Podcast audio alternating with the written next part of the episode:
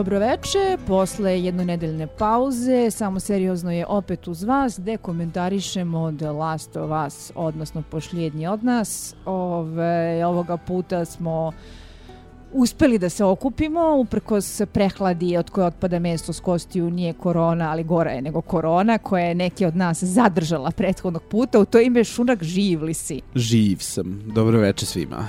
A, pored Vladimira Matića zvanog Šunak, a, tu sam ja u ulozi domaćice Isidora i tu nam je Miljan kao glodur, odnosno producent, odnosno Milka Canić. Miljane, reci dobroveče. Dobroveče. I naravno sa nama su i naši psi kojima smo strateški podelili loptice koje ne pište pre početka snimanja i sklonjena je ovce, mada ne garantujemo da neće pronaći do kraja pošto su već počeli da njuškaju u odgovarajućem pravcu. Nego, reci ti meni, kažeš da si iskoristio ovaj a, period ležanja u krevetu da zapravo odgledaš do kraja gameplay. Da, zapravo sam odgledao do kraja gameplay i dao se takođe u ovaj, komentare i analize drugog dela. Tako da sam sad pun iščekivanja ovaj, kako će ovaj, drugi deo da ovaj, adaptiraju i da li će da izvade razne fleke koje su napravili u igri. E, najbolja fora koju sam čula jeste koga bi trebalo kastovati kao Ebi u drugom delu. Kažemo, neko ko nema socijalne medije. joj, joj. Sirota Ebi. A, no, a, sada kada e, si dobro upućen u a, to kako izgleda igra, šta su utisci? A, e, ovako, utisci su gledajući igru i gledajući seriju, serija je mnogo bolja, ali takođe sam svestan toga da nije isto kao igrati igru. Ove, I pojavilo se jako puno raznih opinion piseva na internetima kako nije to to, kako igra im, ima bolju atmosferu, kako je ovaj konzistentnija tematika, kako je više grimdark, kako je bolji doživljaj ali ja mislim da se sve to svodi na ovaj emocionalnu investiciju u same likove dok igraš igru. Jer s njima provodiš mnogo više vremena Ovaj, I ono, e, kao kada ih inhabituješ. Odnosno kontrast e, proživljenog nasman pospatranog. Tako je. Ove, meni se za sada zaista sve adaptacije do, uh, dopadaju. Misliš odliku adaptaciji? Da, da, da. Ove, sve izmene. Ove, Uh, I to koliko su ono likovi suptilno drugačiji i re, replike i strukture, ovaj, meni se sve sviđa i kao ba, baš mi se dopade serija za, za gledanje zapravo ono ovaj svaku epizodu sada ono čekam sa sve većim hajpom. Znam, slao si mi poruke juče u Nedobasa, jao kako sam hajpovan pred epizodu. to ne znam kad se poslednji put desilo. Samo nam Miljan ovde odmahuje glavom, pošto vrlo nije srpski rečeno njegova šolja čaja, ali je ipak dovoljno zlato da nam producira ovaj podcast. Ne, ali reklo bi se kao da, da živimo u doba ono, oversaturacije kontenta, da kao ono, može da nađeš nešto dobro za gledanje uvek i svuda, a onda kao zakačiš za ovako nešto kao ok, da, ovo, ovo jeste ono vrhunska HBO produkcija i teoretski ovaj, ne, nešto ono što, što se sa te produkcijske strane uh, tiče nešto po najbolje što se nudi, ali kao zaista je ono, jedva čekam svake nedelje i to, to, toliko je nekako priče deluju ono koncentrisano, spakovano i jednostavno, kao nije, nije nikakva velika filozofija, a, a jako je efektno. A, meni je simptomatično koliko je postao masovni fenomen. E sad moguće je da smo je a, čovečanstvo čekalo jedan masovni fenomen ove vrste već neko vreme, jer od kako smo svi poludeli kolektivno za Thrones pre 10 godina kad je počeo da se daje, kad je bio na vrhuncu, upravo tu negde 2013. kad je emitovana treća sezona sa Red Weddingom i kad je to bila tema koju su svi govorili neko vreme. Čini mi se da a, sada imamo... A, neću da kažem forsirani, ali jedan moment kada svi želimo da pratimo The Last of Us i želimo da se investiramo i pojavljuju se, što ti kažeš, i opinion pisevi i uh, razne geek sajtovi se bave njime i razni ozbiljni mediji se bave njime i analiziramo da li je to konačan smrt a, zombi žara koji je postao a, previše razvučen da bi više imao smisla? Da li je to konačna smrt žanra kao takvog zbog toga što smo doneli ozbiljnu karakternu dramu, nešto što se smatralo za gikovsku razbibrigu i tako dalje? Znači, diskusije koje smo već viđali, ali gde se opet čitav svet zabavlja tim. Mi vidimo mimove, recimo, ne znam da li si vidio onaj divan mim sa ovaj, uh, Joelovim napadima panike koji su onako počeli da ubadaju tamo gde boli. Šta te sve gađa u dušu da imaš napad panike onako da odlepiš? Nisam vidio mimove zapravo. E, ne, uh, kao u meni mom... su osvanuli. U mom ćošku sveta i dalje gledanost sporo ide. Kao osim ljudi koji su igrali igru, a to je opet samo deo igračke populacije zbog jeli Sony-a, kao u mom društvu su većina ljudi dalje ono PC Master Race. Ove, a Sony ipak nešto ono za mlađe generacije. A, dakle, o, o, osim tih ljudi koji očigledno su jako vezani i imaju jako puno mišljenja, kao jako sporo ljudi prihvataju seriju. Nije, nije još uvek ono... E, vidiš možda zbog toga i to, a, ta forsiranost ta reč koju sam upotrebila ima donekle smisla, jer mi se čini da uh, postoji strašna želja da ovo bude the next big thing. Uh, poslednji put sam takvu želju videla kada se davao Westworld, da svi znamo kako je to tužna priča s tužnim krajem. Joj. Ove, čak se sjećam i nas kada smo očinički podcastovali u Westworldu pokušaju da nađemo neku zanimaciju između dve sezone Game of Thrones. Ja sam u Westworld ovaj, odustao pred osmu epizodu druge sezone, koja je navodno još i jako dobra ali... Da. da. Uh, ja ovu poslednju sezonu nisam uspela da se natiram da odgledam. Znači, to čuči mi negde u nekom ćošku in, kompjutera jednoga dana kada mnogo ne budem znala šta ću sa sobom. Možda kliknem na to, ali danas nije taj dan ali u svakom slučaju mislim da postoji ta velika želja da se ovo nametne kao uh, ono uh, televizijski milestone koji će da ostane tu za budućnost i dalje ima e, nenormalno visoku ima da bi ocenu. Pa ništa, na, navijamo za njega i navijamo da druga sezona bude bolja. I tu onako neka im je Bogu pomoći. to će bude vrlo onako jedna delikatna priča. No, a, da zaokružimo se konačnim utiscima, mislim da je vreme da pređemo zapravo na dve epizode kojima ćemo se baviti danas.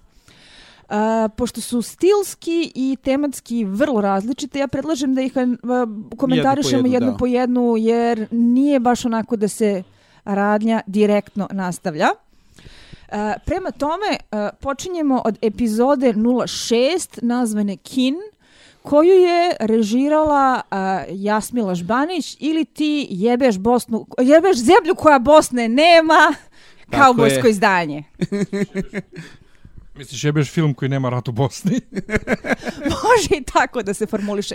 Pa rat u Bosni bio u prethodnim epizodama i oni su prvobitno hteli da dovedu Jasmilu da režira građanski rat, na što je ona odbila. Ovaj, ne znamo koliko je bila delikatna u tome, ali ovaj, nadamo se da, da im je onako objasnila e, Znaš šta, svako njoj čast što, što ih je odbila, jer kao baš uh, kad pogledaš, ako treba da im neko zbog porekla postane ono go-to reditelj za građanske ratove i tužne priče o tome šta se dešava u zajednici koju ono izjede mržnja, udari brat na brata i ostalo, kao samo zbog toga kako je tvoje iskustvo, znači pa jebi si mater, znači stvarno. Dok na drugoj strani uh, uh, Jasmila ipak dolazi sa uh, autentičnom apokalipsom kao proželjenim iskustvom. Znači, nije neko ko ove, je učio tome kako rat izgleda u hollywoodskim filmovima, nego zapravo i tekako ima neku tu, uh, neki tu bagaž, kako da kažemo. Uh, pa, tu... da, da, ono, postapokalipsa jedne jeste jedno ono ratno stanje samo što imamo ovaj ono ideološki neobojenog neprijatelja u vidu zombija. Uvek jeste. je okej okay ubijati zombije. Uvek je okej okay ubijati zombije, uvek je okej okay ubijati bube i kao što smo već imali prilike da vidimo u raznim studijama totalitarnih društava. Uh, znači svaka nju čast što je odbila da reažira građanski rat u Kansas City-u. I što se bavila epizodom koja ima funkcionalno društvo, a, a dve stvari imam da kažem na tu temu. Jedna je da je Jasmila figura koja je u našim krajevima, da upotrebim onu divnu reč, kontroverzna. A, nisam gledala Idu, ne znam da li si ti gledao. Ne, ne. Miljan je gledao, a, pre nego što smo počeli da snimamo je rekao da je zanatski to jedan jako dobar film. A, to je nešto što sam čula i iz drugih ovaj, a, komentara i od a, drugih ljudi u čije ukus imam poverenja. Ali, a, kao i svaki film koji se bavi zapaljivom tematikom koja ne mora nužno biti jednostrana, ali se može tumačiti jednostrano, Uh, takvi filmovi na ovakvim prostorima dovode do ostrašćenih emocija koje mogu onako da evoluiraju u najboljem slučaju u internet Pa- pljuvačinu, u najgorem slučaju u kafanske tuče. To je uvek tako, kao nešto, nešto što jednoj strani deluje ovaj, onako kao nijansirano, ono, ono i drugo i deluje kao čista propaganda i Ali to je najgori problem zapravo kod nas, što kod takvih filmova ljudi uvek pričaju da nisu ni pogledali film. Da sećate se drame oko Anđelininog filma o ratu u Bosni, gde ono kao niko ovde živ nije video film, a svi su imali mišljenje o filmu, je tako i sa Evo Idom. taj sam. Taj jes? sam. Neću joj nikada oprostiti film koji ne pada mi na pamet da gledam. Pa ne pada ni meni na pamet da gledam. Isto, isto što, ko što mi ne pada na pamet da gledam srpski film, a sad pominjem srpski film, jer ga danas neko na Redditu pominjao, ali um, drugo je kad su ovako film, ratni film, ili da, pa jest, ratni filmovi, e, od strane ljudi koji su sami proživeli taj rat. To je drugačije. Znači, Anđelina sa strane, Ja- Jasmila je nešto drugo. Ja sam gledao Aidu baš kad je bila aktuelna Dara, mislim, Aida i Dara su bile aktuelne istovremeno, pa kao kad gledam Daru, ajde moram da odgledam i ovo. A Daru sam gledao zašto sam pročitao onaj scenarij koji je navodno pokraden. Pa ajde, kad sam već pročitao scenariju, da, da pogledam ova, da, či Aida je stvarno jedan od najboljih jugoslovenskih filmova ikad napravljenih, da ja nisam imao pojma dok, dok se nije film završio da je glumica ovaj, iz, iz Srbije i da ja nju zapravo znam, gledao sam je uživo u predstavi i nisam prepoznao da je to ona. Koliko, jer ne, ne imitira bosanski govor, nego priča.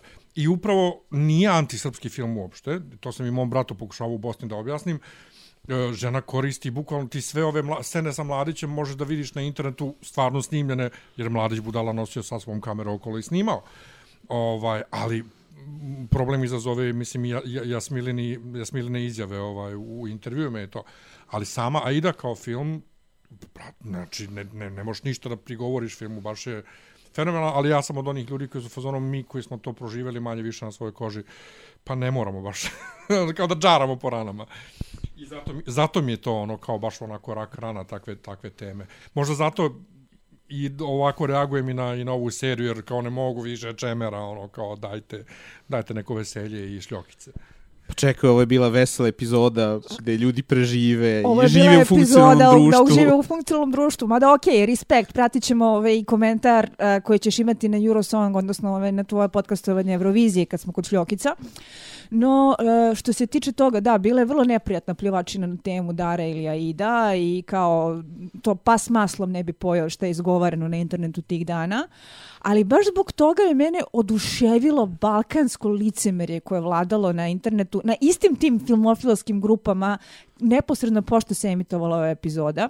Pošto je epizoda naišla na fantastični kritičarski prijem gde su hvalili jako kameru, kinematografiju, režiju, subtilnost u baratanju emocijama, što sve stoji odjednom na svim tim srpskim grupama idu komentari naša Jasmila uspela u Hollywoodu ponosni na naše gore list ali kao jel možeš Čekaj, to je očigledniji primjer Balkana od toga kao a, da čupač... Eurovizija, ne Eurovizija bre pa ne, pitala si za očigledni primjer Balkana. Eurovizija, da. A, da. Izvini, u glavu mi je bila Eurovizija povodom Šljokice i Miljana koji ovde ovaj, se ceri. Da, Eurovizija je sličan primjer Balkana na, na tu foru, ali to je ono, ista osoba koji su u istim tim grupama najstrašnije razvlačili, sad jednom postaje nekog sa kime se ponosimo, za Boga, naša žena uspela u Hollywoodu, režirala The Last of Us gde moram da se osvrnem na jednu stvar koju želim da kažem od početka podcasta. A, prođarali smo malo po rediteljima koji su angažovani za ovu sezonu. Velika većina su razni onako uh, TV veterani, iskusne, uslužne zanatlije koji se tu da odrade pošten posao, osim dva imena.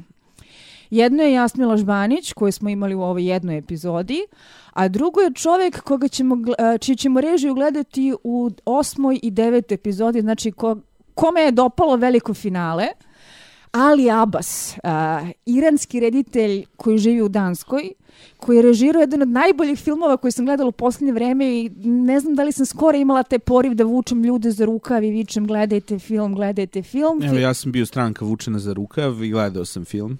Film se zove Sveti pauk ili ti Holy Spider. Uh, fascinantan je, ali neću sad da pričam na tu temu, sačuvaću svoj e, e, desetnominutni rent na temu zašto vredi gledati Holy Spidera kada budemo obrađivali epizode koje zapravo režirao Ali Abbas, nego hoću da kažem nešto drugo.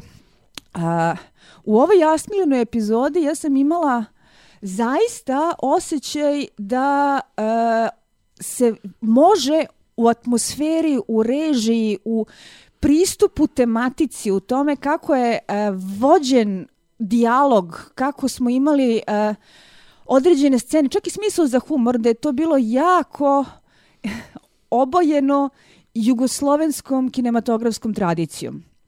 Da si ti pojedine scene zaista mogao da zamišljaš da se dešava u jebenoj Bosni, no offense, A, I da a, ako pričamo o diversifikaciji koje je ono a, reč decenije kako je krenulo, Um, I ako pričamo o tome kako je potrebno u uh, industriju koja je LT američki bela dovoditi različite ljude, različiti glasove identiteta, uh, jako mi se dopada pristup, da ne moramo da imamo samo takozvani tokenizam, da kažemo evo angažovali smo ovaj, uh, gluvo crno dete koje je odigralo jednu divnu ulogu, ali kad to tako štiklirali smo šta smo sve odradili po ovoj pitanju identiteta i diverziteta koje treba da ispunimo. Uh, nego dovoditi ljude iza kamere koji imaju iskustvo i koji dolaze iz izgrađenih kinematografskih tradicija sa vrlo a, jasnom estetikom, perspektivom, stilizacijom, koji mogu da unesu nešto svoje u to što rade. Mislim da je to neka prava smislena diversifikacija koju pozdravljam i koju bih volila da vidim više.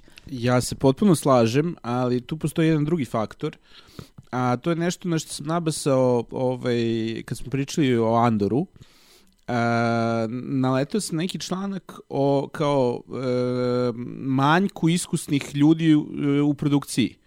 Jer kao toliko se sada štancuje sadržaja da ponestaje im scenarista, reditelja i kao, a, verovatno ono, ajde, ajde da vidimo koga možemo da dovedemo ako ume da radi.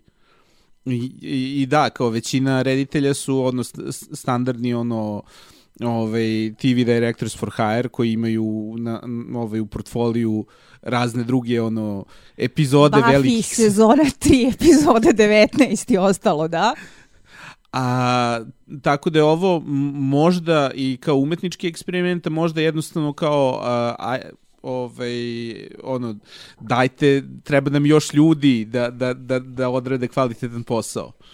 Pa sa te strane mislim da je ovo jako ovaj, zanimljiv potez i bukvalno, znači, ovaj, ne da sam hajpovana, nego jedva čekam da vidim kako će Abbas da odradi ove finale. Uh, I uh, strašno mi je negde uh, ta prepoznatljiva E, neću da kažem jugonostalgija, ne volim tu reč, ne, praću sebi usta se punom ukoliko budem previše insistirala na njoj, međutim, više mislim na klasičan domaći film mi je baš obeležila ovu epizodu sa sve konjima, kaubojima, šeširima, country muzikom, onim nestričnim, onom nestričnom salom koja na jednoj strani izgleda kao ne, tipičan salun kako zamišljaš divlji zapad, na drugoj strani izgleda kao dom kulture a, na onu njihovu komunu koja ti ono agrokombinat bosanska krupa samo tako. Ko, znači koliko sam se ja cere kao naglas. Na komunizam. Na komunizam. Ali to je tačna fora koju ta, neko s ovih prostora može da izbaci. I tačno vidiš da je neko ko je odrastao u našoj domaćoj razvodnjenoj specijalnoj verziji komunizma i u stanju da napravi takvu foru. Mislim, ako ćemo još dalje, uh, njegov brat koji ono kao vrlo jasno latino, ono, totalno mi daje vibe Perhan i tako to. Znači, bukvalno kod da gledam to, neki kusturica, tipično bosanski film. Ono. Ali Ne, meni, meni je više bilo ono kao uh, Tony Texašanin koji se stidi, pa nije to baš komunizam. Ali da, da, znači, tačno ga vidiš glasom i za Trumpa, da je bio u prilici da glasa za Trumpa, kao nije to komunizam, čuti, to jeste komunizam. Ove, I nešto što mi je još bilo uh, interesantno u epizodi, ona scena sa viskim između Joela i Tonija, koja je snimana kao klasična rakiještina. Znači, ta vrsta razgovora, to ono sedimo i pijemo na takav način, meni je to isto kao jedan na jedan preneton iz domaćih filmova. Znaš na što me podsjetilo po duhu domaćih filmova? Što je takođe sada aktualna tema. Kukala sam ti na Benšija, je li tako? Da. Uh, još uvek nisam pogledao, štelujem se. U kratkim, da, e, završi rečenicu. Ne, vi, uh, vidio sam razne rasprave ovaj, gde kao s, jed, s jedne strane neki doživljavaju film kao, pa to je kao obična drama, gledali smo takvih koliko hoćeš, do ovaj kao da da kao očigledna ovaj a, alegorija a, irskog građanskog rata je očigledna. Uh, pa do nekih ono koji kao all the feels. Ne, meni je najbolji komentar na taj film sa kojim se potpuno slažem jeste da je film toliko irski da je zapravo srpski. Uh, i da postoji nešto u estetici stilizaciji i uh, tom takvom tvrdoglavom autodestruktivnom porivu tih ljudi u tom filmu i sa sve zamaskiranom alegorijom na građanski rat u Irskoj što mi je onako kao a, Kovačevićevski film s kraja 80-ih, ranih 90-ih, gde tačno umesto Brendana Gleesona imamo Pavla Vujisića, a umesto uh, Kolina Farela imamo uh, Mikija Manojlovića, na primjer. Znači, tako je ovo isto jedan domaća rakiještina koja se dešava u Bosni, a ne u Wyomingu. Ja neću prihvatiti nikako drugo objašnjenje. Osim da smo imali jednu epizodu koja se zapravo najviše bavila upravo sevdahom. Jer uh, kada pričamo o tome šta se donosi kao uh, estetski feeling i stilizacija. I posebno ako uporedimo Uh, i kontrastujemo sa uh, do sad najemotivnijom epizodom, kako internet kaže, a to je treća gde imamo Bila i Frenka, odnosno ova današnja gde imamo uh, flashback na to šta se desilo sa Eli, koji imaju više jednu uh, očiglednu burniju emocionalnost koja je melodrama, koja nalikuje na ono uh, na stare hollywoodske filmove na Broadway, a ovo što smo imali u šestoj epizodi je više melanholija, znači sevdah i kafanska muzika. E sad, da li ti je Tomas Zdravković ili ti je Johnny Cash isti kurac? Ali vrlo smo imali to u ovoj epizodi i meni je zato bilo interesantno, iako mi je krivo što kada sam čitala neke komentare koji su se čak i bavili analizom estetike, niko se nije osvrnuo na internetu, barem ne da sam ja našla. Ako je neko našao, molim vas dajte mi think piece u komentarima, jako bih hvala da pročitam što kada su se ljudi osvrtali na estetiku te epizode, uh, hvalili su uh, uh, duh kao bojica, hvalili su uh, prizivanje Johna Wayna, hvalili su taj uh, uh, Western Wyoming, a uopšte se nisu osvrtali na Jasminu Žbanić i na uh, estetiku istočne Evrope, a ovo je bre baš bila uh, ona uh, epizoda zvana O živote scenu iz istočnoevropskog filma. Ali kako oni to da znaju? Kada Ta- je njima istočna Tako Evropa... što ćeš da vidiš ko je režirao, pa ćeš da pročitaš jebem ti mater nepismenu. a njima istočna Evropa ono kao sivi betonski blokovi. Tako što ćeš da Ne. pročitaš, tako što ćeš da se informišeš. Kako mi možemo da se informišemo? No, u svakom slučaju, ove, zna, e, samo znam šta sam zaboravila pomenem što se tiče Bantere, koji mi je takođe vuku na domaći humor, e, ona divna op, e, e, uvodna scena s indijancima. Je, dobri su indijanci. Bili su jako dobri i to mogu da zamislim da se dešava negde u Bosni. To je Pa ponovo Romi u Bosni, mislim, Kusturica, kao, uh, jel, je, je, jesi njemu rekla istinu? Aha. Ali meni sad govoriš istinu. Aha. znači, pogledaj. Aha. fenomenalno, fenomenalno. Pa znam, znači to je sve domaći film, jebote. I ovaj, uh, uh, super mi je bilo što smo opet dobili onog finog indijanskog čiku koji igra indijanske čike u, u, u svakom projektu koji iziskuje indijanske čike. Se sećaš kad smo gledali 1880 da, da. da uh, uh, i ovaj kad uh, sam rekla onda se pojavi onaj stari poglavica koga igra one lik koji stalno igra stare poglavice ti si znao tačno na koga mislim. Naravno naravno. Ovaj pomenuću ga zapravo i u sledećoj epizodi. O, gospodin se zove Graham Greene i mislim da ima uh, vrlo bogatu karijeru igranja ovaj, različitih uloga poglavica i uh, ono. Ne, ali u, u celom ovom novom op opusu Tylera Sheridana, uh, pardon, Taylora Sheridana, uh, ima ih dvojca. Jedan je ovaj stari indijanac, drugi je ovaj malo mlađi indijanac. I u, u, u nekim ostvarenjima su samo jedan, u nekima su obojica.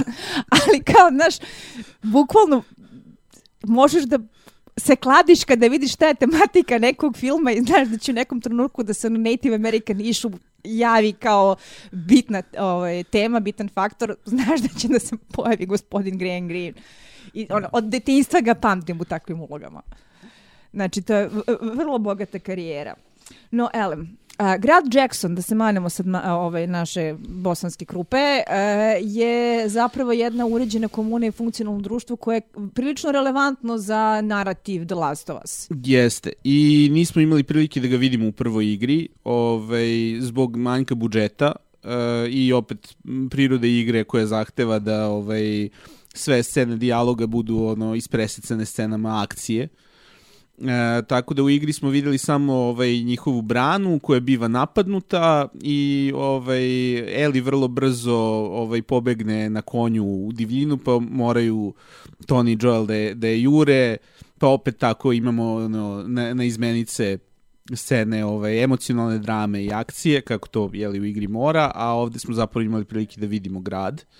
Uh, on više figurira u drugoj igri, nećemo ono nećemo spojlovati ali očigledno da su se neki neki tamo vratili. Uh, znam da su se ljudi jako primali na uh, uskršnja jaja takozvana odnosno da ždrebe sa kojim se Eli pozdravi Šimer bude njen konj u drugoj igri i kao da je devojčica koja se provukla kroz onaj salun i vrebala iza stuba možda jeste, možda nije neko bitan u drugom delu. Tako je. To, to je zvanična izjava autora, može biti ne mora da znači. Jeste, za koju znam da je dao sa takvim ovaj, izrazom lica i sa takvom, ovaj, sa takvim kikutanjem da je krajnje očigledno ovaj, da... Pa, ono, verovatno zavisi o koga da će da kastovati. Da ulogu, da, da, naravno, ali ono bilo je vrlo sugestivno. Što se e, cijele komune tiče, moram opet kao žensko ovde da kažem da se impresioniram koliko vode računa tematici ženske higijene u apokalipsi. Odnosno da smo se ponovo vratili na to koliko je važno priznati tako nešto da je realan problem i ponuditi realno rešenje, jer kao šta bi drugo radio, kao da, to. Nisam stigao da googlujem, a nisam razumeo u epizodi šta je ona plastičica što ova Mar, Mar, Marija se zove, kako se zove žena ova, ova što ostavi jeli?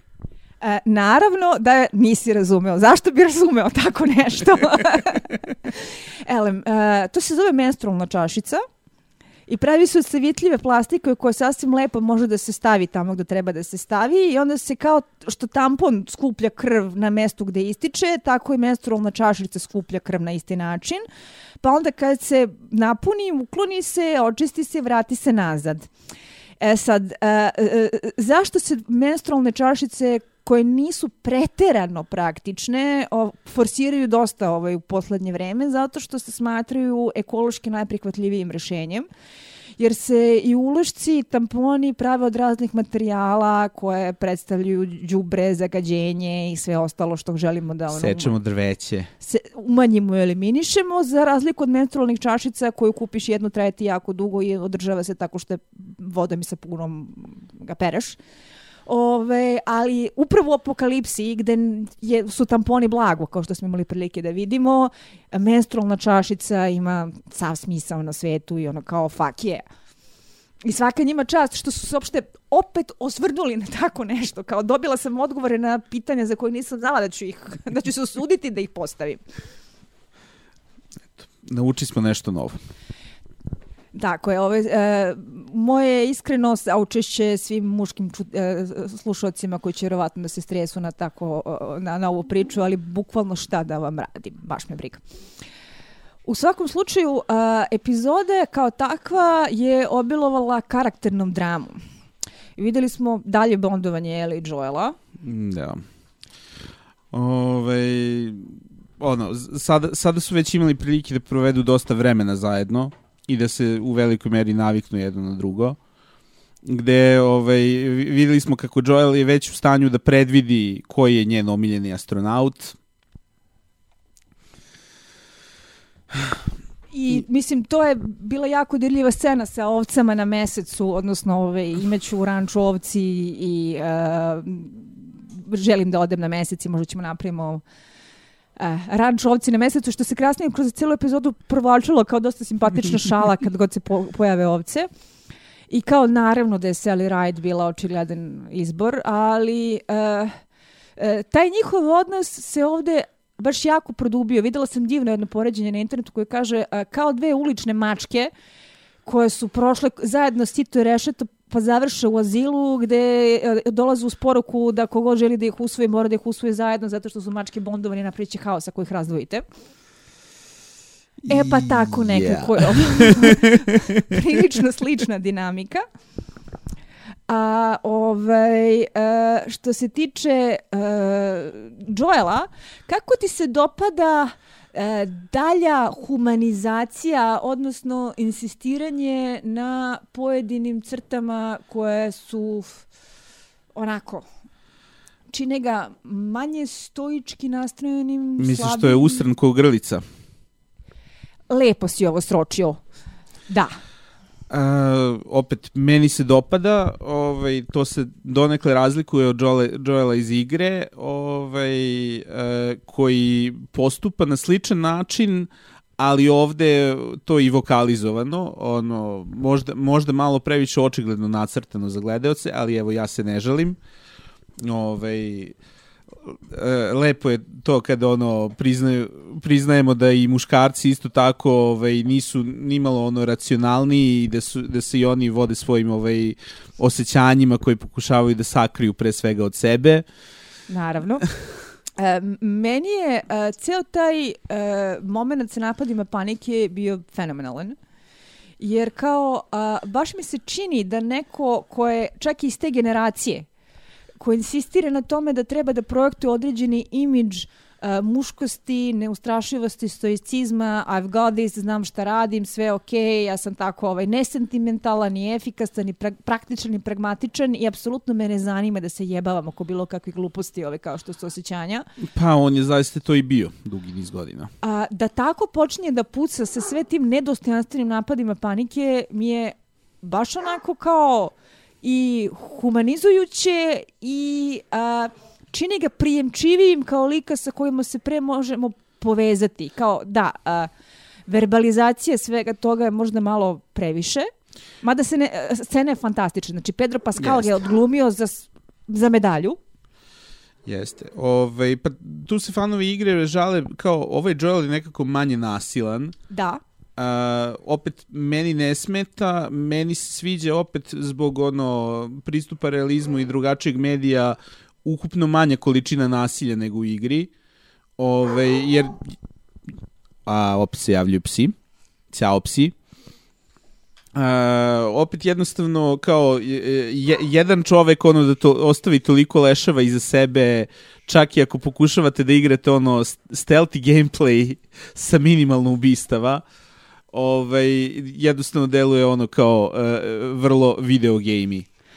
A, uh, i, I dopada mi se to što, što kao, uh, da, on nema nekih ono moralnih problema sa, sa, sa ovaj, stvarima kao što je nasilje, ali kao, ajde, ajde ipak ono da, da ne radimo ako ne moramo iz... Da ne budemo ono, stoka ako baš ne moramo da budemo da. stoka. Što je Ostavi inače... starom indijancu njegovog zeca i to je inače tematika koja je ovaj, dosta prisutna u cijeloj epizodi sa konfliktom između njega i Tonija.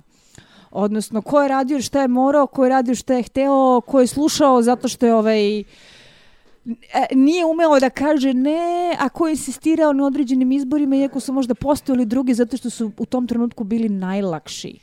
I zato što se ko zna kakav bes i frustracija a, proistekli iz a, čitavog haosa koji se desio sa... Samo sekund. Alo! A, Da se smirimo. Ali imamo onu mini epizodu sa Joelom koja pokazuje da je on bio takav i pre samog incidenta. On, one prve noći kada ovaj, ljudi stopiraju pored puta, on kaže ne, ne, ne, ne možemo mi da se zaustavljamo. Ali a, i mala je nijansa između a, ne pružiti pomoć strancu u nevolji kao dobri samarićanin i direktno a, iskorišćavati i očigledno ubijati ono slučajne prolaznike a, zato što ti u tom trenutku to odgovara.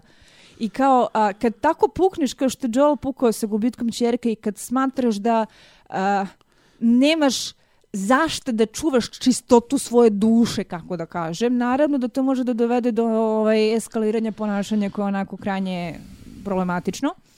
Ja sam isto videla komentare, mislim da je to jedini think piece na temu ovaj, zašto je igra a, bolja, da mi se činilo da argumentacija ima smisla, ne da se slažem sa njom, ali da mislim da je zasnovana na nekim solidnim osnovama. a, da igra koja je dovoljno grindark da u tom svetu nema mesta za sentimentalizam Bila i Franka, za a, naivnost i a, ma- malog Sema i brata koji a, prodaje e, dušu za šaku srebrnjaka da bi ga zaštitio i, i za Joela koji ovaj, e, je usran ko grlica jer je gluv, jer je slab, jer se emotivno investirao, jer ne zna šta će.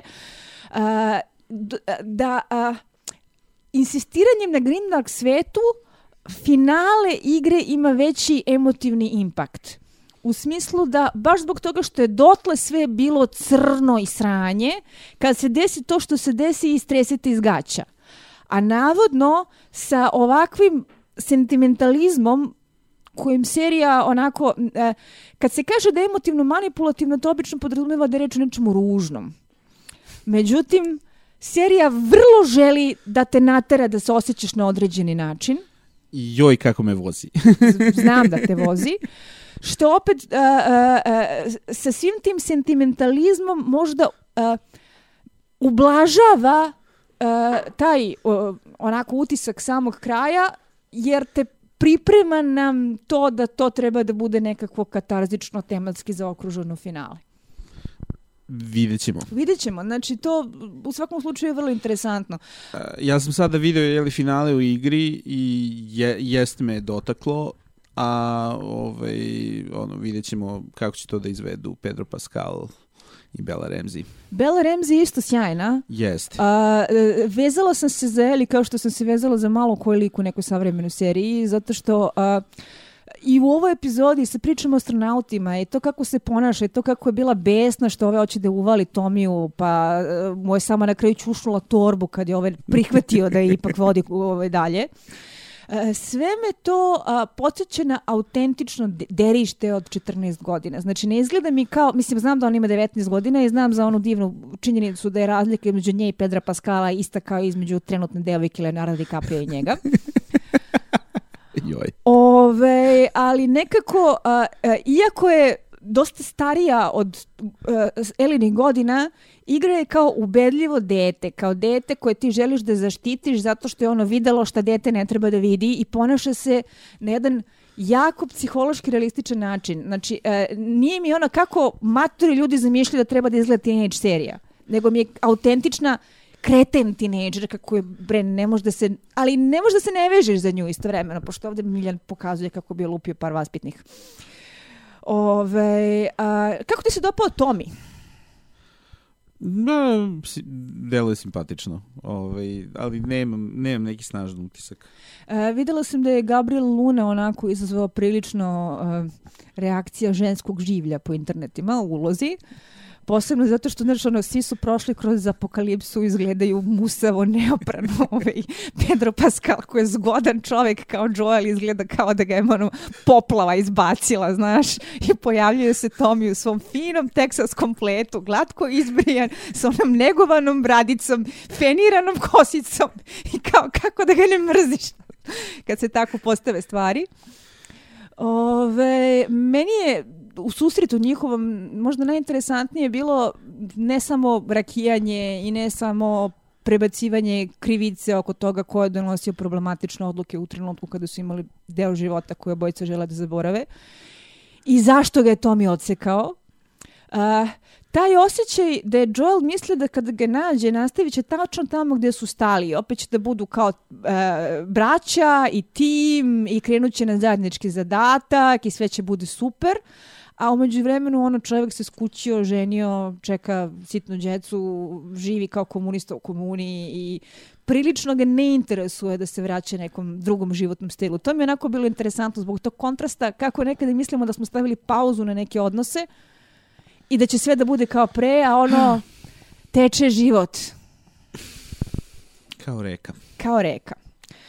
Ove, I ništa. Uh, sam kraj, imamo majmune u laboratoriji.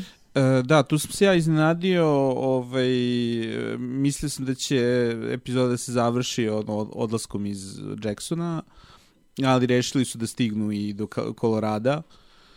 Uh, majmuni, inače, ovaj, sudeći po igri, su zaraženi. Jej! Uh, I ovaj, po, poslednji naučnik koji je ostao u laboratoriji je ovaj, hteo da pusti majmune, pa su ga ujeli, pa je ovaj, ostavio ono, sam, sam sa svojim beleškama da igrači prikladno shvate šta se sve tu desilo i kuda treba dalje da idu. Pa, a, cijela ta bolni, u stvari, laboratorija je delovala kao nešto što je verovatno beskreno interesantno istraživanja u igri, ali ovde smo samo protačali kroz to kao a, scenski, scenske kulise, jel te? Sa CGI majmunima.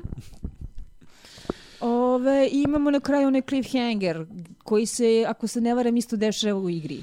Uh, u igri je to malo dramatičnije, ali ovde su opet rešili ono da malo tone down zarad realizma. U igri Joel padne se sprata i nabode se na šipku od armature. Kao pravi Disney negativac. Ovde su ga samo malo bos, bocnuli. Malo su ga šenkovali, ja? Malo su ga šenkovali, da. Uh, tu se zaokružuje šesta epizoda uh, cliffhangerom za koji znamo da je lažan, pošto nema očigledno da će Joel morati da se izvuče, jer zaboga kako ćemo dalje bez Pedra Paskala. Uh, ali uh, da zaokružimo priču o njoj, uh, nije se pojavio ni jedan jedini gljivo zombi. Nijedan. Zilč. Čak do te mere da sam ja naletala na neke think pieces, pošto algoritam naravno da zna šta da mi izbacuju svaki put kad odem na internet, uh, koji su se pitali da li je ovo definitivna smrt zombi žara, jer scena na koju su do sada svi najviše kukali, kao i mi ostalom okviru podcasta, jeste upravo scena kada imamo ono... ono Balrog zombi. Balrog zombi i masovnu akciju sa zombijima iz Kansas City-a. Uh, a da smo očigledno mnogo više investirani u ono ljudsku dramu i rekonstrukciju društva posle apokalipse. Te otuda cele te priče o smrti zombi žara i smrti žara. Mm, zar nije to ono absolvirao već ovaj Walking Dead? Donekle. Ali Walking Dead i dalje ima vrlo ono odajuće mrtve koji su faktor priličan i ne znam koliko je skrenuo u sapunsku operu da to postane onako ja jalov sam, argument. Ja nisam gledao seriju, ali čitao sam strip do jednog momenta i meni se baš dopadalo što u stripu u nekom trenutku ovaj, ono, nesretni likovi shvate kao, e, mi smo savladali ove zombije, kao, odbranili su grad, njih četvoro, niko nije bio u jedan, ovaj, niko nije poginuo, kao, okej, okay, ovo sad znamo kako se radi, sad su nam problem drugi ljudi. Možda jednostavno da Walking Dead I... nema taj, uh, uh, uh, tu auru elitističke sofisticiranosti koji ima jedan HBO projekat, pa zato dobio Think Pieces u Guardianu na ovu temu. Moguće. O, znam da je ono jako, jako švrljao sa kvalitetom. Mislim, znam da se na pred kraj baš onako pretvorio u prilično saponsku operu ko, ko se s kime povata u pojedinim momentima, što znam opet na osnovu ono, second hand informacija koje su do mene dopirale raznim internet kanalima. Ja sam gledala prvih par epizoda kad su se još davali na televiziji u bloku recimo pustiti prve tri ili tako nešto i kao na početku je to još i delovalo koliko toliko interesantno, međutim nikad nisam nastavila dalje, a onda je bilo već previše epizode da se pogledaju i preveliki zamor materijala da se ide dalje. Uh, ja sam igrao Walking Dead igre, ove Telltale-ove, uh, koji su pomalo bile ono kao uh, Last of Us Light. Ove, gde je razlika u gameplayu kao nije, nije bio akcioni gameplay, nego je bio taj ono istraživačko-avanturistički sa jako puno dijaloga i jako puno izbora. I ono što smo pominjali, kao većina tih izbora su bili lažni, ali nije nije poenta da, da igra razvija priču u različitom pravcu koliko da te stavi ulogu šta bi ti uradio u situaciji ono kao imaš malo hrane da li ćeš hranu da podeliš deci ili odraslima kao jer de, odrasli treba da štite de, decu od zombija ali ono deca kukaju da su gladna I... Zvuči kao nešto što je vrlo relevantno za apokalipsu. Znaš šta, ko zna zašto mi vežbamo kako smo krenuli u svetu. No, u svakom slučaju, mislim, je li imaš nešto da dodeš ili možemo da zaokružimo šestu epizodu? E, možemo da zaokružimo šestu epizodu, a ovaj, vidjet ćeš kako će se dalje odvi, odvijati radnja. Uh, u Jacksonu. O, pa, ne, ne, ne, u Koloradu samo. U Koloradu, aha, ok, da.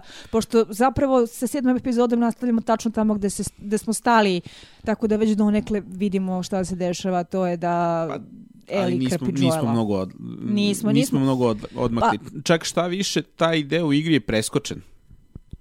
Ovaj, u, u igri tu je opet ono neki mini time skip od možda, možda čak i par nedelja dok ono Joel leži i kao hoće li da prevagne na onu ili ovu stranu? A, po onome što sam pročitala, a, cijela epizoda je zapravo zasnovana na DLC. Tako je. Ekspanziji. Ovaj, e, DLC prequel. E, dakle, za one koji ne znaju, e, nastane moda u posljednjih ovaj, već 15 godina u svetu video igara. Jer zli kapitalizam. E, to, Ok, dakle to ima nekakvog smisla. E, u čemu je stvar? E, cena igre je iz nekog razloga ovaj, već godinama prilično fiksna. Dakle, e, igra je ranije koštala ono 60 dolara i kao to ti je to. To se smatra za prihvatljivu cenu za, za ovaj punu igru.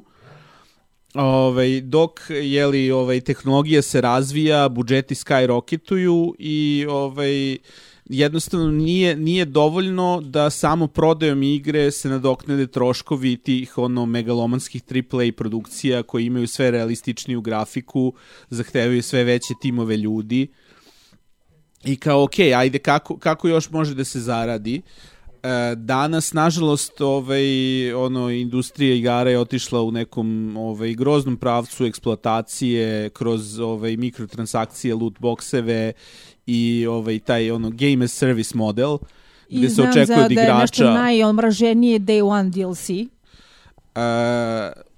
Pa nije, nije više, ono, to smo već absolvirali davno. Dobro, to je bilo omraženo u doba kada sam se ja bavila gamingom, što će reći ovaj, ima tome koja decenija.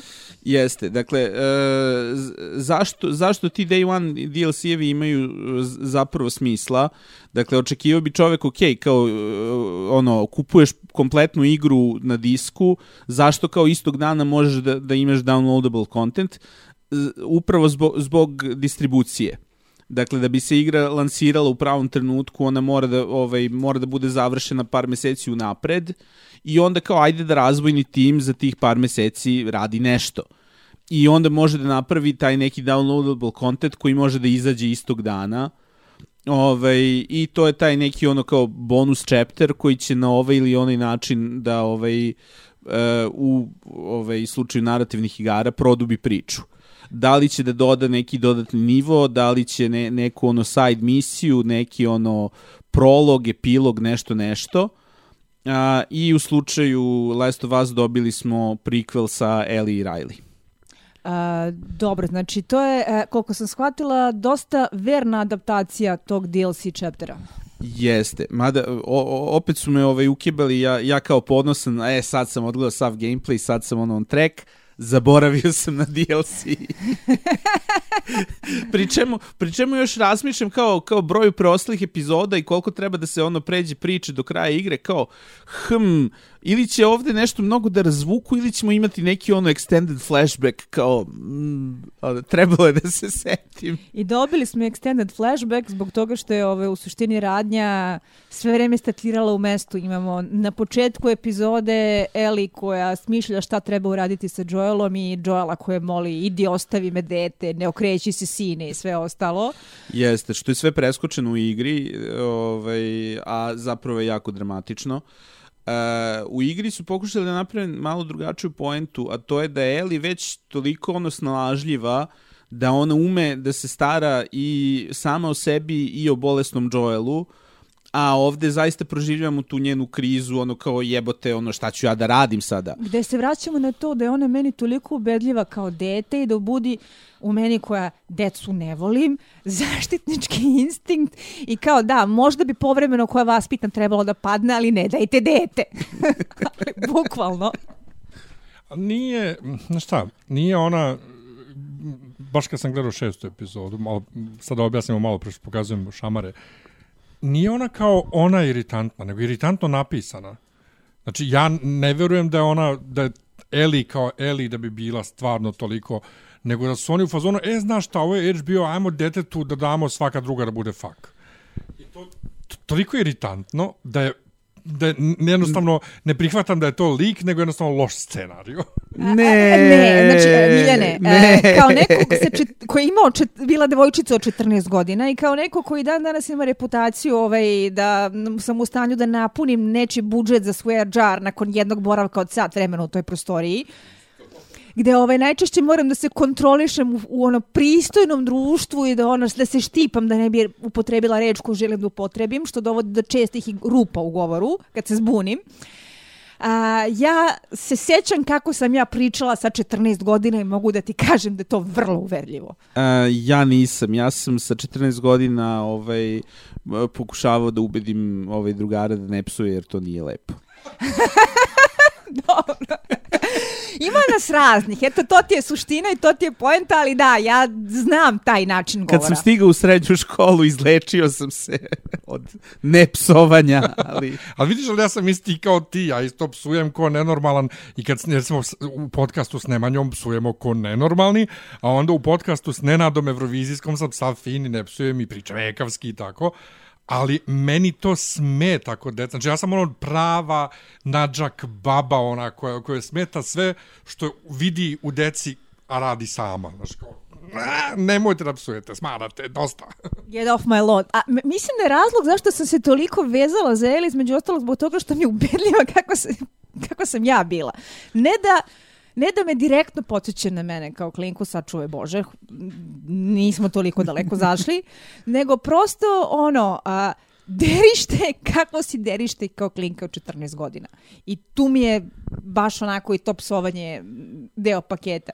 Noele, a, epizoda je stilski dosta slična a, trećoj, odnosno Billy Frank epizodi, jer opet imamo a, dug flashback čiji je cilj da nas uh, natera da preplačemo ovaj sat vremena nakon odjavne špice, dozivamo mamu, kažemo voljenima da ih volimo i ostalo. Ja. Ne, znam, znači, da je te, ja sam, ja, znam da je tebe puklo kod cigla u glavu. Uh, on, all the feels. All the feels. Ovaj, baš, ba, baš me onako provozalo ovaj, sve po propisu. Pogotovo, pogotovo, ok, kad stignemo do kraja, pričat ćemo o kraju. Ove, pre nego što krenemo da divanimo direktnu epizodu, uh, valjalo bi skrenuti pažnju da smo nastavili sa tradicijom koju serija do sada uspostavila, a to je da imamo a, relativno popularne a, TV glumce u malim gostujućim ulogama koje se najčešće iskoriste za jednu epizodu, pa posle Nika Offermana, Melanie Linsky, Anne Torv i ostalih. Ovoga puta smo dobili Storm Reed, koja, ako se ne varam, je Zendajina mlađa sestra u Euforiji, je li tako? Tako je.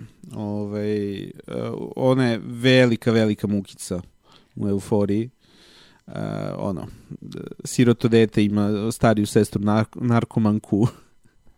Ali ja sve vreme gledam i kontam, je li ovo Zendaya? Nije Zendaya. Ali što liči na Zendaju?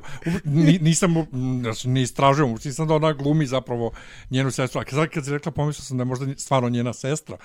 Znači nije, nego samo glumi sestru. Inače izgo, izgovara se Zendeja. Zendeja. Jeb ga! Znaš šta, meni je tako drugar u srednjoj školi rekao da volim Fredija Merkurija. I ja sam rekao, kaže se Merkur i on je rekao, boli me kjurac. Tako da, ono, eto ti. Pa ja se plašim da će iza mene ostati ove iz Zendaja i baš zato ispravljam druge ljude.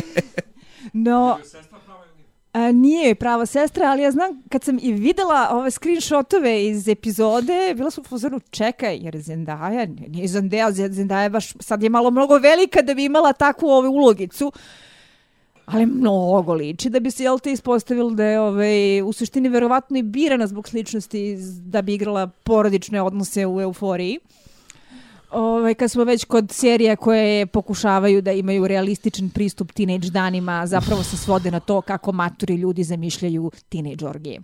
A, pa o, onako kao me, meni su meni su neki ovaj ljudi rekli da da im je ta serija najbliža njihovim stvarnim teenage doživljajima. ovaj ono Zoomers gonna zoom. Znamo koji i koji ljudi i ti ljudi su izuzetak, znaš, odmah ću ti to reći.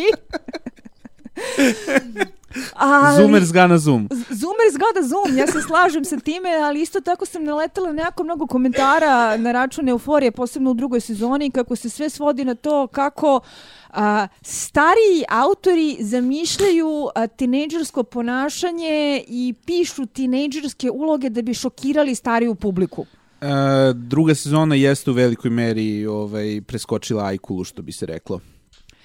Uh, I ovaj ono a, autor kome sam iz nekog razloga jako verovao nakon prve sezone malo je previše skrenuo u svoj ovaj autorski izraz i takozvana po... boljka style over substance.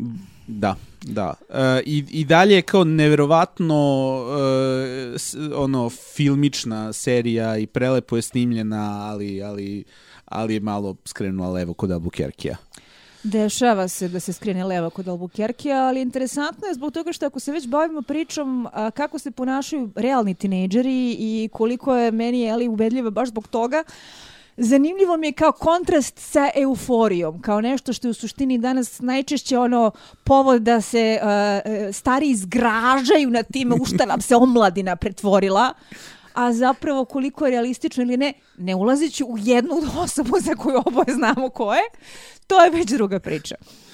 No, uh, u svakom slučaju uh, bavimo se uh, školskim danima nesrećne Eli i njenom uh, uh, Fedra organizacijom koja je tu ovaj, čvrstom rukom upravljala karantinskom zonom, planirala karijere za buduće, budući oficirski kadar i sve ostalo. Uh, gde onaj uh, savjetnik koji je tu uh, prikazan prilično blagonaklono, kao neko ko je ovaj, ne izgleda kao da je želi loše.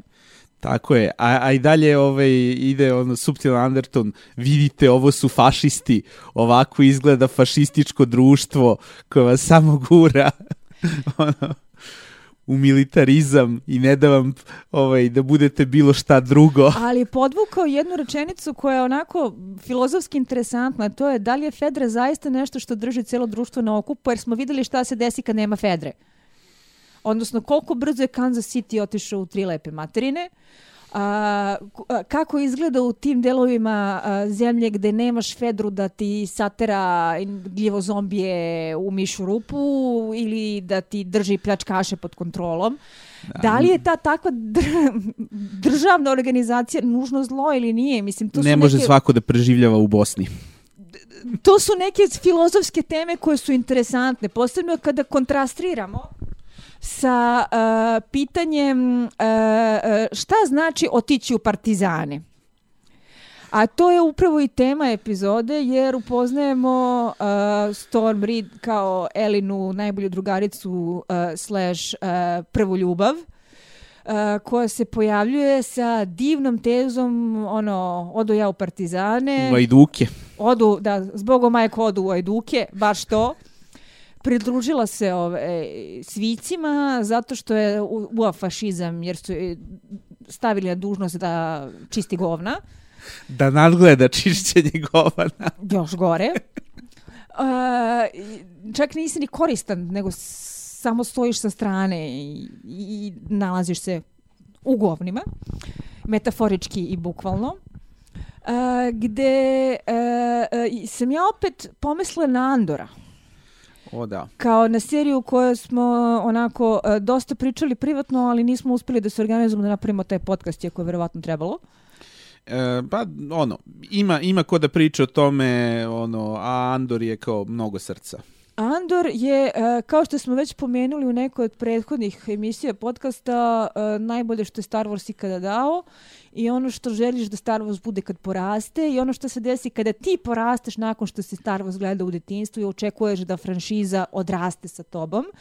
I Andor upravo postavlja pitanja koje su aktualna i ovde, a to je a, a, da li je a, a, šta je zapravo cena borbe za slobodu i šta je cena ako se ne boriš za slobodu?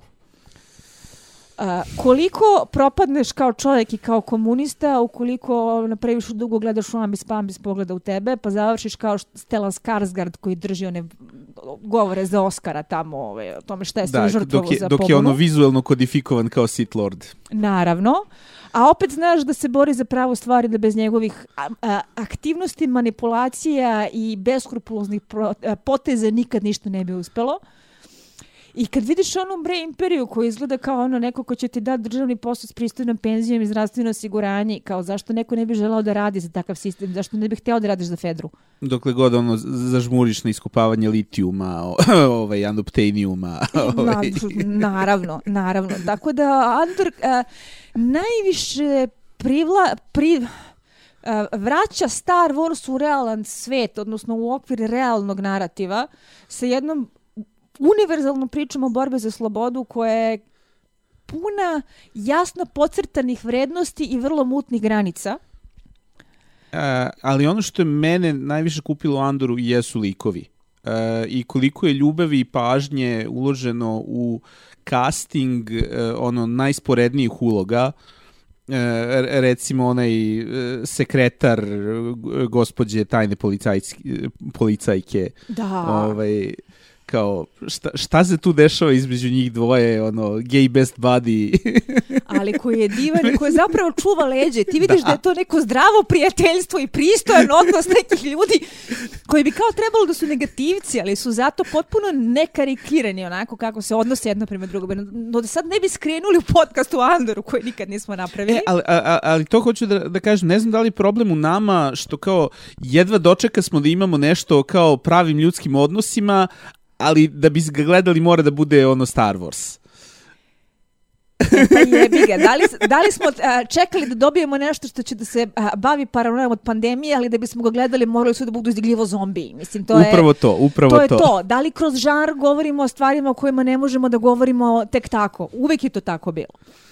Tako da... Pa, a, a hoću da kažem, kao, mi smo, mi smo i dalje ono kao veći, većinski žanrovski gledaoci i konzumenti sadržaja. Uglavnom. I, da, kao, ponekad ono, zalutamo pa gledamo nešto, ono, kao ženama u ISIS-u, ali... Uh, ko nije gledao Kalifat, neka gleda Kalifat, imate ga na Netflixu, najbolja serija koju sam gledala u protekli par godina o tome šta se dešava kada uh, ISIS ideologija utiče na žene i kad se pridruže pokretima koji direktno podrivaju ženska prava. Ovo je bila mala digresija, ovo je bio uh, jedan od pasa koji se oglasio da mu pomene da se vratimo na temu. I to ženski pas. I uh, elem, idemo na shopping mall date. Ah, A, uh, zašto sam znala da ćeš da uzdahneš? Uh, opet stigu sam da odgledam oficijalni uh, podcast i pričali su koliko je uloženo truda, rada i specijalnih efekata da, u shopping mall. A gde su bili jako ponosni na učinak i kao vredelo je. Morali smo da imamo taj shopping mall. Uh, snimali su zaista u napuštenom shopping mallu, ali koji imao samo jedan sprat i onda su ceo drugi sprat morali ovaj, digitalno da dodaju. E, ne vidi se da je digitalno. Ne vidi se. Uh, mene je vrlo impresionirao taj shopping mall zato što me onako uh, ubo na dva koloseka. Uh, jedno je estetika abandoned spaces, što je nešto što je jako ušlo u modu proteklih godina, kada tako ove razni avanturistički nastrojeni fotografi odlaze u napuštene zamkove, napuštene bolnice, napuštene palate, da, napuštene Imamo vile. Černobilj u, baj, u Batajnici. Imamo Černobilj u Batajnici, tako je. I uh, pokušavaju da uhvate atmosferu kako izgleda propadanje nečega što je u nekom trenutku bilo grandiozno i mnogo vredelo i svašta simbolizovalo.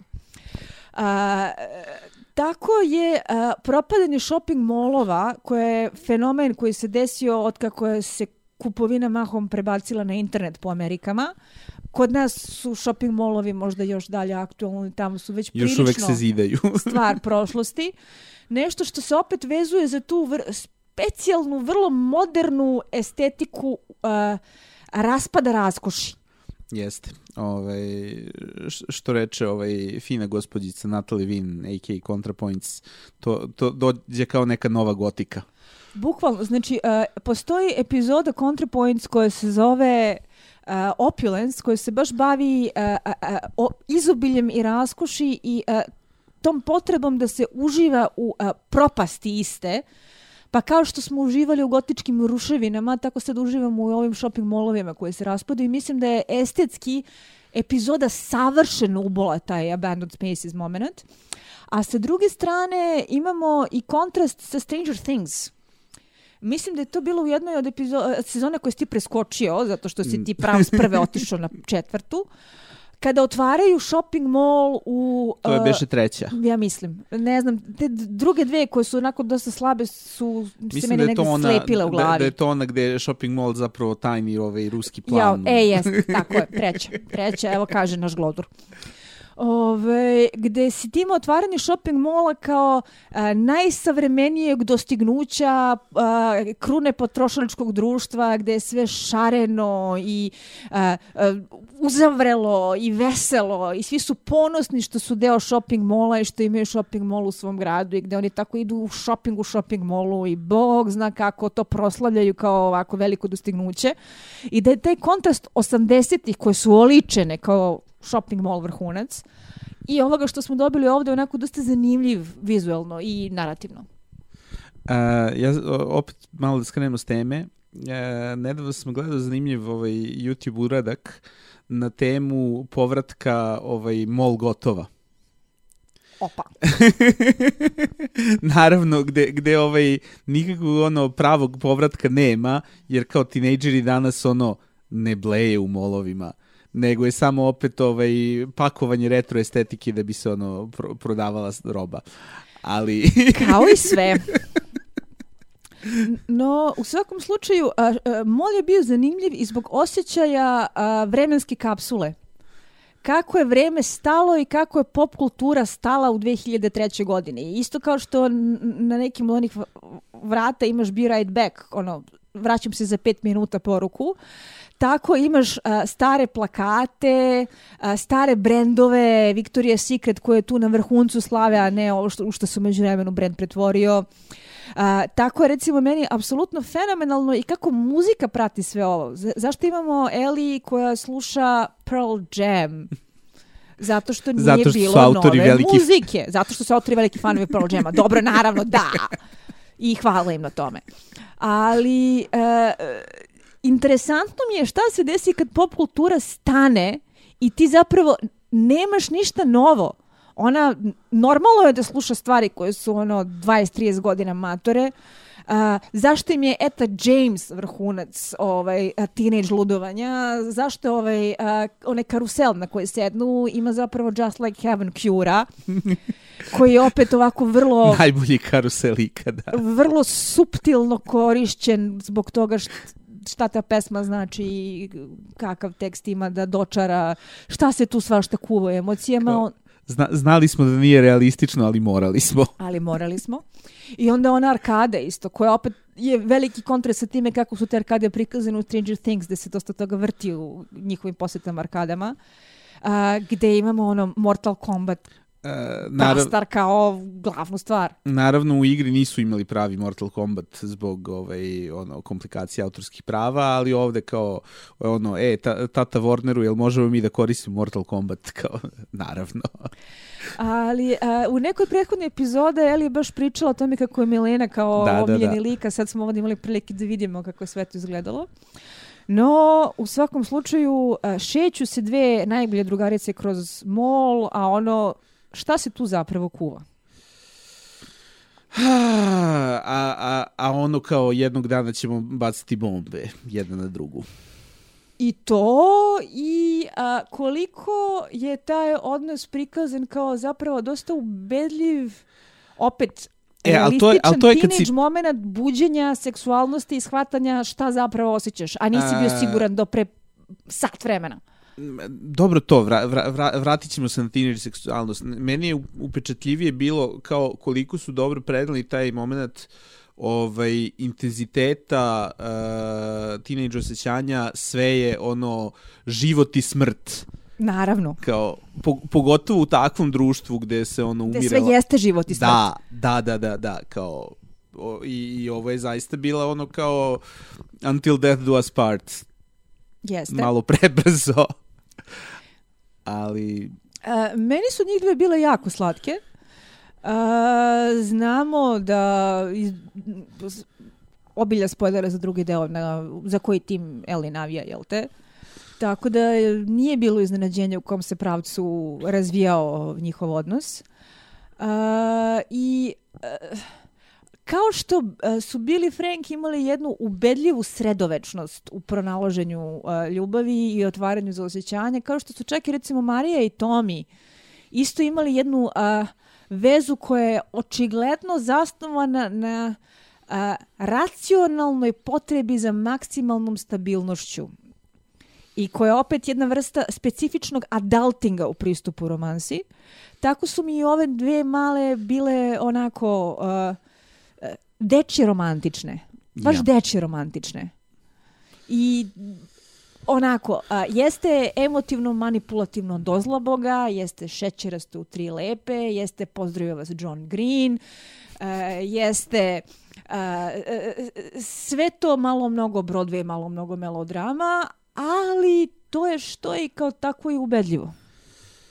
m, veoma um, ne, Evo, mene... instanci su musio. a, ka, ka, kaž, mene, mene baš dotuko taj ono kao život i smrt moment, kao sve je ono, sve ili ništa, kao ako, ako ovaj, se sada rastanemo, ono, znači da ćemo sutra da, da se gađamo bombama, ovaj, ono, ne, nema ono, pa dobro, kao možda za par godina, možda nešto, možda vamo, tamo, kao mor, baš je ono sve odjednom. i- Zato što se tako ponaša kad imaš 14 godina. Upravo, upravo. Tako da i kad na kraju stvari odu u Tandariju, a bog me odu u Tandariju ekspresno, i taj kraj je krajnje onako ko francuski filmovi 60-ih. Sad ćemo da se zajedno survamo kolima slitice u prvoj brzini, ali smo znali da smo proživeli. Budimo ludi do kraja. Ima mi tu neku a, preozbiljno shvaćanju melodramu koja je ubedljiva zbog toga što ti vidiš da ih li, da je likovi doživljavaju iskreno. Ajde reci nešto, nemoj da, nemoj da idem po maramice ovde.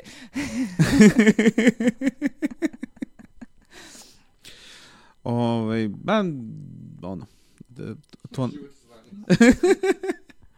to nam je što nam je, ne znam. Um, ne, e, malo, malo se osjećam prevareno u smislu da mi ovaj, e, srećemo Eli praktično neposredno nakon što je se sve ovo desilo, a da nismo imali pojma.